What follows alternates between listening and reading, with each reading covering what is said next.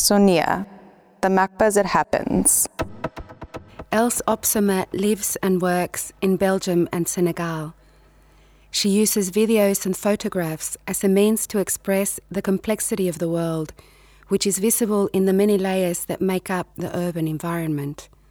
Her work springs from the huge archive that she has generated during her constant journeys, a compilation of personal comments and visual reinterpretations of the global reality. Each of her pieces is based on a specific story structured around the interpretative material that makes up this archive. Images and reflections that the artist often calls survival strategies or messages for friends. Sonia talks to Els Opsomer about what travel and territories mean in her way of conceiving art, about how she builds up her archive and how it, in turn, generates her work. We also look at some of the projects that Els has worked on in the past few years, including iMovies, archive building, and the video 10th of November, presented at the group exhibition Avec le Temps. Life and work in Senegal. I think to put this on my CV is a statement more as an artist and as a human than only about my work. It gives a kind of duality because it's like as a European, I would like to have the kind of Senegalese nationality as well, because it's very seldom you're going to ask for Senegalese identity. In a sense, also, it reflects that, as in my work, you have always a duality of how you look at things and how you could decode the work you're seeing. And I think when you show your work around the world, it's very challenging because every place of the world has its own code and its own uh, translation of it. The archive as method. I started with, with my archive in 95, I think, and mostly all of these images are buildings or streets or, or places around the world that you can interchange almost like you don't know really where you are you always have the feeling you recognize it it can be a place next to you as far away from you but this archive, I use it as a kind of method to write and to imagine new worlds or new works. So it's like a puzzle. I take some images and then I will put them together, and, and some atmospheres will give me a reflection about a certain issue, and then I will rework or rewrite them. This is the same with my way how I film or how I will make images, also moving images. It's on the same level. I will have some places that I want to shot image from, but it will not be about the place. It's a kind of portrait, but it will never be only the issue to tell something like in a reportage about this place and how people live. It's more like a state of mind, a state of being, and I will take all these images together to give you a kind of atmosphere in a sense my work is really about how you position yourself as a human being in a world which is constantly changing and how you really integrate your integrity and your human soul in an environment which can be very approval. And in that sense, that's why this puzzle is very important because it's more like a way of expressing and a kind of way of writing than a work about a certain place. From the archive to the audience, my archive creates a kind of world and a kind of view, and it's a kind of space. You have really the impression of space. Space is very important as well in how I show work, as well as the images I will show. You will always have a kind of feeling of openness and of infinity and of time, which will appear through the images. The survival strategies and messages for my friends, as well as the iMovies, are much more like a kind of issue, a kind of message that I do for the other, for my public and in that sense, I always imagine the people who view my work are a kind of friend. There is an intimacy when you address something to someone. So I, I really think you feel this in the work that it's kind of, you have a complicity in this. The Bad Mood Repair Kit. I was traveling through Bosnia and Herzegovina after the war, and it was extremely schizophrenic in the sense like you've been in the middle of Europe and you, you have seen all this destruction made by hand, and then you come back to Brussels in your town, and you cannot express what you have experienced, this kind of violence, but at the same time also a, a, big hope and intensity. But at the other hand, where there's peace, you have a lot of indifference. And this is so strange to have. My travel to Bosnia Herzegovina, everywhere where I came, there was some orange. So this was like a guideline. There were orange curtains, orange napkins. Everywhere where I came, there was orange. And uh, some friend of me gave me an orange ring before I left. So it was like kind of mental guideline, this orange. And when I came back to Brussels, it was October, winter. It can be very, very gray in, in our city. So I thought, what I have to do? I cannot express all this duality of war and this intensity and this hope you have in war zones and this promise you have in a war zone, as well with all the disaster. And then you have in Europe all this indifference. So, so I said to myself, okay, I'm going to make a bad mood repair kit, which is if you imagine everything which is gray, that it's orange, you're immediately in a good mood. So, so I made some different works. So I made Survivor Kit for Brussels and I made some others for Brazil and Sao Paulo. These are little works in which I address some very specific feelings and where I can change a bit the world. Hmm. Traveling in space in the artistic process.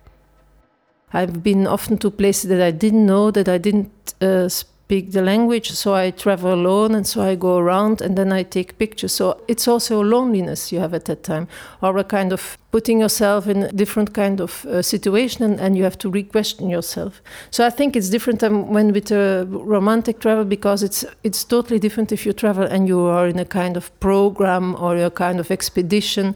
You have always a skeleton around you. But the way I've been traveling is more naked in a sense. It gave me always a lot of rest and calmness that sometimes in your social life you don't get it. So I think in my work, you see, I'm completely part of it, but I'm not inside in a sense. I will always be just at the border or somehow. So it gives also a kind of rest, but also it's a kind of confrontation because there's no direct engagement, is maybe not the word, but there will always be a kind of some people may find it maybe a little bit melancholic, but it's more like a kind of uh, in and outside and a kind of uh, being part of and being lonely. So you have always this duality. So I think my work is also quite open if I talk about space and everything because it leaves a lot of space where a viewer can attach himself to it. And so you grab what you can need and then you go further. So that's why this space and this idea of openness is very important for me.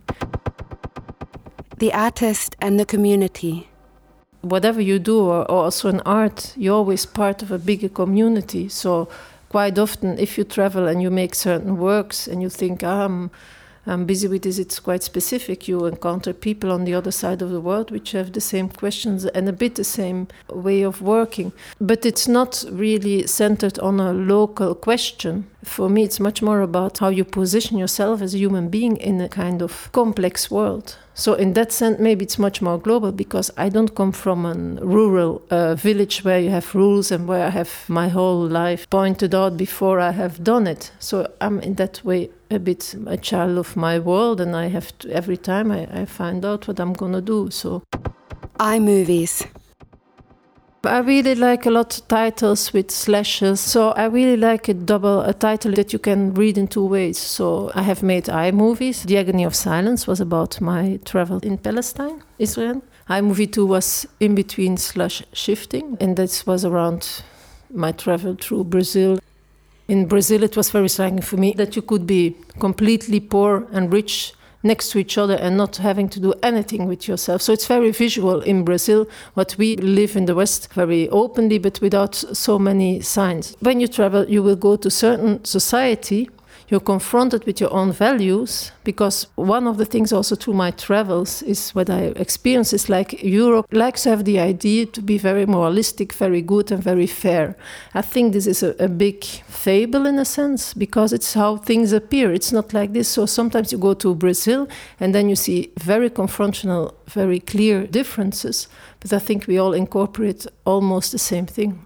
And the third iMovie was Silver Lips slash for me, and it's uh, it was about how for the West, for instance, if you want to ask someone from uh, Africa or from uh, some places where you don't get visa, uh, we always need guarantees, but guarantees by papers in a sense like you have to get a passport. This passport for us, it's kind of a guarantee that this person is not a threat or valuable. And even in your friends, when you're inviting someone they don't know and they're from another culture, they have a lot of questions and they say, like, you have all this kind of codes that we think as we are quite progressive, but in fact, it's also a way how we construct our world and how we need paperwork to get guarantees in a sense, which you can never have, of course.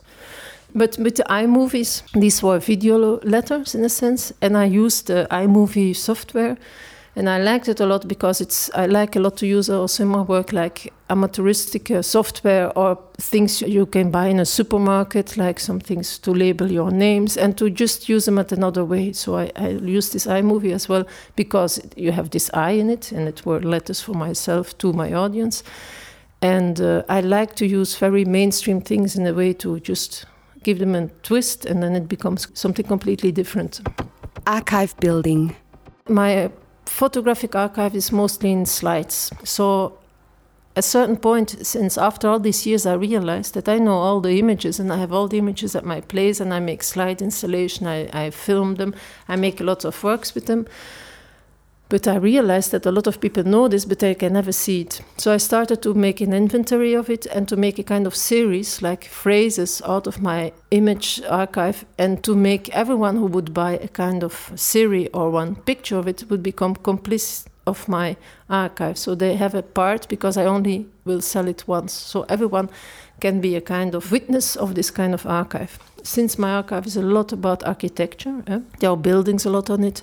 I named this archive archive building because you can build your archive and your archive is around buildings and architecture. Urban spaces are for me like portraits of human beings. So I think uh, the way how a city develops, the way how streets are going is almost like a kind of portrait of everyone around. So that's why also I will use a lot of architecture as kind of metaphor for um, human soul somehow. And the first 60 millimeter I started to make was in Senegal. I started with building stories. It came from my uh, travel through Senegal because I saw a lot of kind of ruins and a kind of modernistic buildings in the streets. And then you really had a feeling like this kind of UFOs dropped down 20 years ago, and now they're there, but nobody really looks at them. They're part of the environment, but they're not at all a part of the environment as well. I can make stories, but these buildings give me my own stories. So that's how I started in Senegal with these images. So I went to Senegal with Sebastian Coupel, my cameraman. I asked him to shot some streets, corners, some places, images I had in mind. I started with building stories, The Distant Peace of Mind, in 2007. But then I worked further on a project around Brussels and Istanbul, which is Building Stories 2, and it's called Suffering Mechanical Disorder.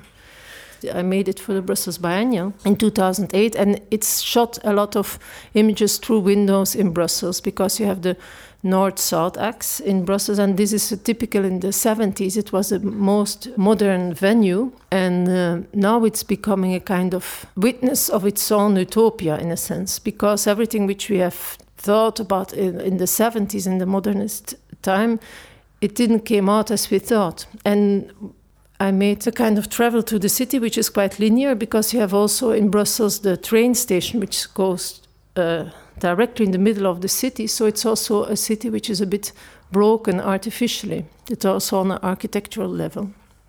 And it's like always uh, images that we come and uh, I shot a kind of shots and then I repeat them. And it's a like of infinite walk through the city, through Brussels, too. But it could uh, as well be anywhere in effect. And this is confronted with another screen, which is shot in Istanbul in the uh, Kulturmerkezi, the AKM. And uh, the AKM was a, was a venue of the Istanbul Biennial, where was um, participating. And AKM is a kind of little brother of the Honecker Palace in Berlin. It's, it has this also this modernistic, uh, very promising architecture. Um, at the time when I came there, they uh, told me they wanted to turn it down or it, they want to close it because it was not to any value anymore, and they wanted to put a market on it or something. So I had seen so many buildings destroyed, like the Honecker Palace, like uh, the Martini Tower in Brussels, and I never did any work with it. So I really thought I should do something about around this building because there's a very nice light. Also, when I was there, there was still a lot of people and very different people going to the opera. You had these small corners and small seats in the corner where young people were kissing, and it, you really felt it was a big history. So finally, I shot a movie there, and I searched about the skin of the building, and I did a lot of travels to it. So it, it gives a kind of physical feeling about it.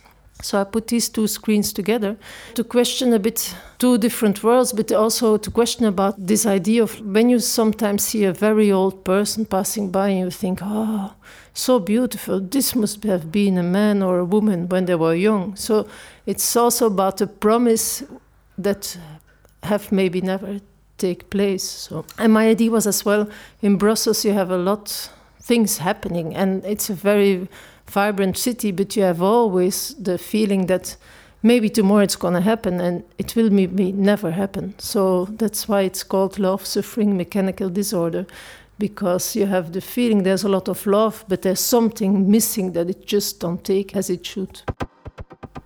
Sound and image in my work, like with the iMovies or in films, I disconnect the sound of the image. I don't know if I've already used direct sound from a place where I've been. I, I, I make mostly soundscape because I like a lot also the layering. Like in the iMovies, you have the image, you have um, a subtitle, you have a letter, and then you have the sound. And I like the idea that you can sometimes look more through the image then the other time you can read the letter and you can also listen to the sound. You have to build mentally a kind of rebuild the work as well. So I really like this construction all the time. With building stories or with a 60 millimeter film or with most films, as I said, I don't use the direct sound because I'm not making a story about the places itself. I'm more making the story about how you connect to a certain place. I made a sound layer, but the sound layer is, is often like a kind of rhythm or a kind of beat to get you into a kind of contemplation or kind of infinitive walk almost. So um, for building stories too, it was a sound which went uh, around the whole space. It goes around. It's almost like a kind of chuk chuk chuk chuk a train. You just come from one space to another. So it's it's almost like something which is pulling you up, uh, pulling you with the work. And also with the building stories, the first now uh, around Senegal, there are some sounds, local sounds, which are uh, in the soundtrack um, incorporated, but only on the level of, of the way of uh, noise, in a sense. And to me, it's very important as well to not put the kind of African sound on the African images, because it's about my way of looking as well.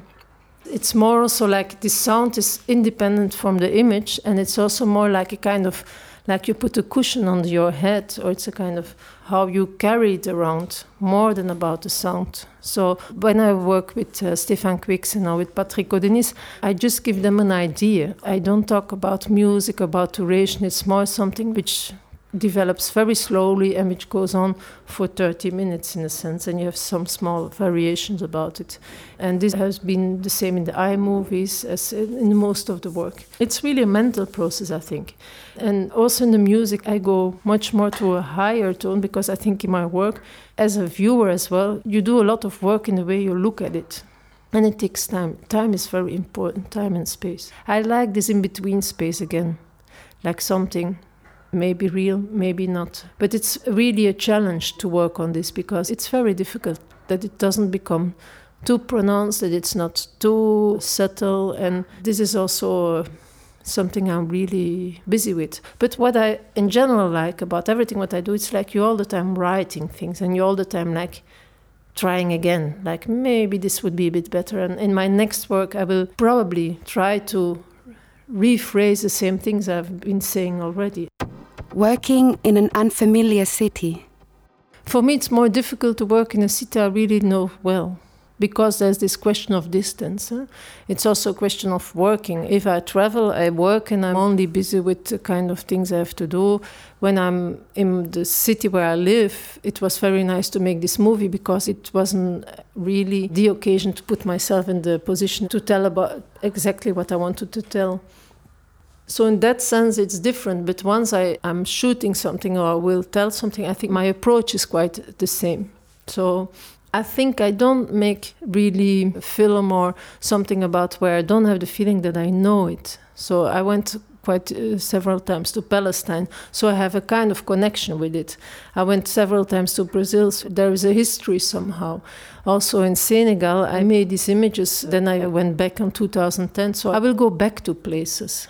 And somehow it will show my attachment to it or detachment, and it's not about places I really don't know because otherwise I think I would feel too much like a thief or I don't know. It's like when I was very young, they asked me to make this kind of reportage in the war Azerbaijan. And this was a role which is completely different and you have to report, but it was also kind of artistic, not artistic but I mean, they didn't want a big the fight or whatever, so it was more the life around. And it's much more difficult because you go in, you go for 10 days or two days or five days, and then you have to come back. So that's a completely different way of working and a completely different point of view, maybe. I don't know. Buildings and their stories. For instance, Bosnia Herzegovina, I was there in 98, and I think the war was already finished like five or six years. But I traveled through Croatia, Bosnia and Herzegovina, and what was extremely striking was like you had extremely beautiful nature. You had everywhere houses, but which were still in ruin and uh, uh demolished by violence and it goes on, it goes on, almost as big as Belgium was. So it was a, a, huge space. But at the same time, you had these buildings which were became skeletons. And at a certain moment, I came to a place, a small village. You had a cultural center, a hotel, but everything was a skeleton. So every building was open. So you had a, a whole view you could see through these buildings, and uh, it became suddenly open. Although you had also the witness of the big violence. So it was again this duality, like this kind of impossible sorrow combined with a kind of openness and a future, although a lot. So this was for me extremely striking every time when I went to these kind of places. So when uh, Juan invited me for the Istanbul Biennial, and he asked me to do an intervention, so he showed me at a certain moment the venue of the AKM, and then he told me the yeah they're gonna close it down, and so I came to the story about this building. So this building was built, I think, in 56. The first stone was laid, and it was really the icon for Ataturk's modern Turkey. And then in the beginning of the 60s, when there was a lot with the 1st of May uh, protestations and so on, the building burned down. So it was completely destroyed, and there's always been a um, discussion and also the thought about that it would have been burned and then they rebuilt it. And so I was there in 2007. And then now they wanted to decide to turn it down, so to demolish it again. So the idea for the AKM for me was like, oh, this is a, a sad story about a happy building because everyone wants to turn it down, but this building is really uh, keeping up. So my first idea was to make, as I did in some other interventions in the city, like when you have a big wall of glass, uh, of windows on a building, and so I had put some posters of the skeletons of houses.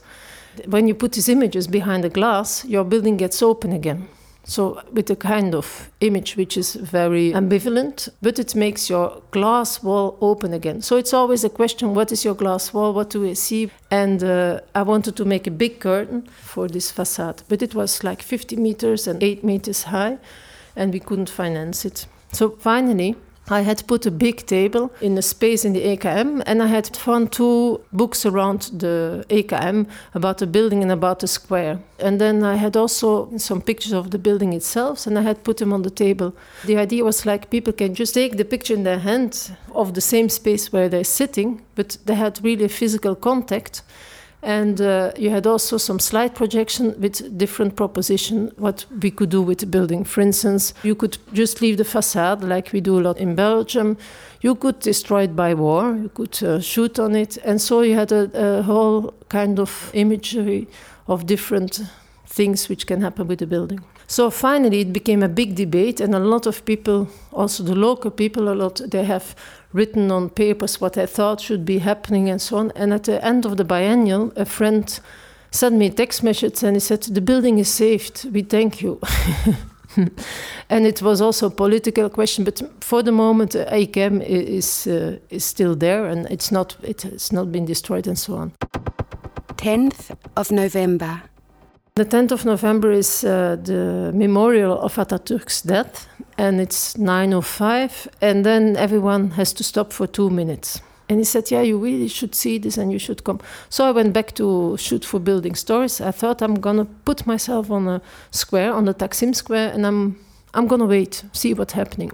And on 60 millimeter, you have 10 minutes for one one roll, so we had 10 minutes to, to shoot this film. And finally, what you see, it's just a square where people are passing by, passing by, and suddenly you hear sirens, and suddenly you realize everyone stopped, but you don't see it happening. If you don't know that everyone's going to stop, suddenly everyone stopped and everything is stopped, and you don't know if it's uh, set up, if it's real, is it really happening, but everything stays still except from the publicity panel. And after two minutes, everything goes on, and the traffic is going, people are walking again, and you don't know if it's really happened. Is this something? Why do they stand still? But it gives a very, very strange relationship to reality and also to an existential question about life and living. It's like, am I really here? Did it really happen? Yeah, it's like almost a dream, and afterwards you don't know, did I dreamt it or was it real? So I showed it and I shot as a, as always. I, I repeated the shot, and the first um, soundtrack is real sound. Indeed, I have one work where I used the real sound as I. it's the 10th of November, and it's also very strange because it's huge sirens. It's like wartime, but everything is still. So also the delay or the kind of um, it's like two different realities at the same time it gives a very strange feeling. And the second uh, soundtrack is just a kind of noise, almost like background noise, but it's the same scene. And I think sound also gives a completely different other way of looking, and it's connecting you at a different level to what you're seeing. Makba.cat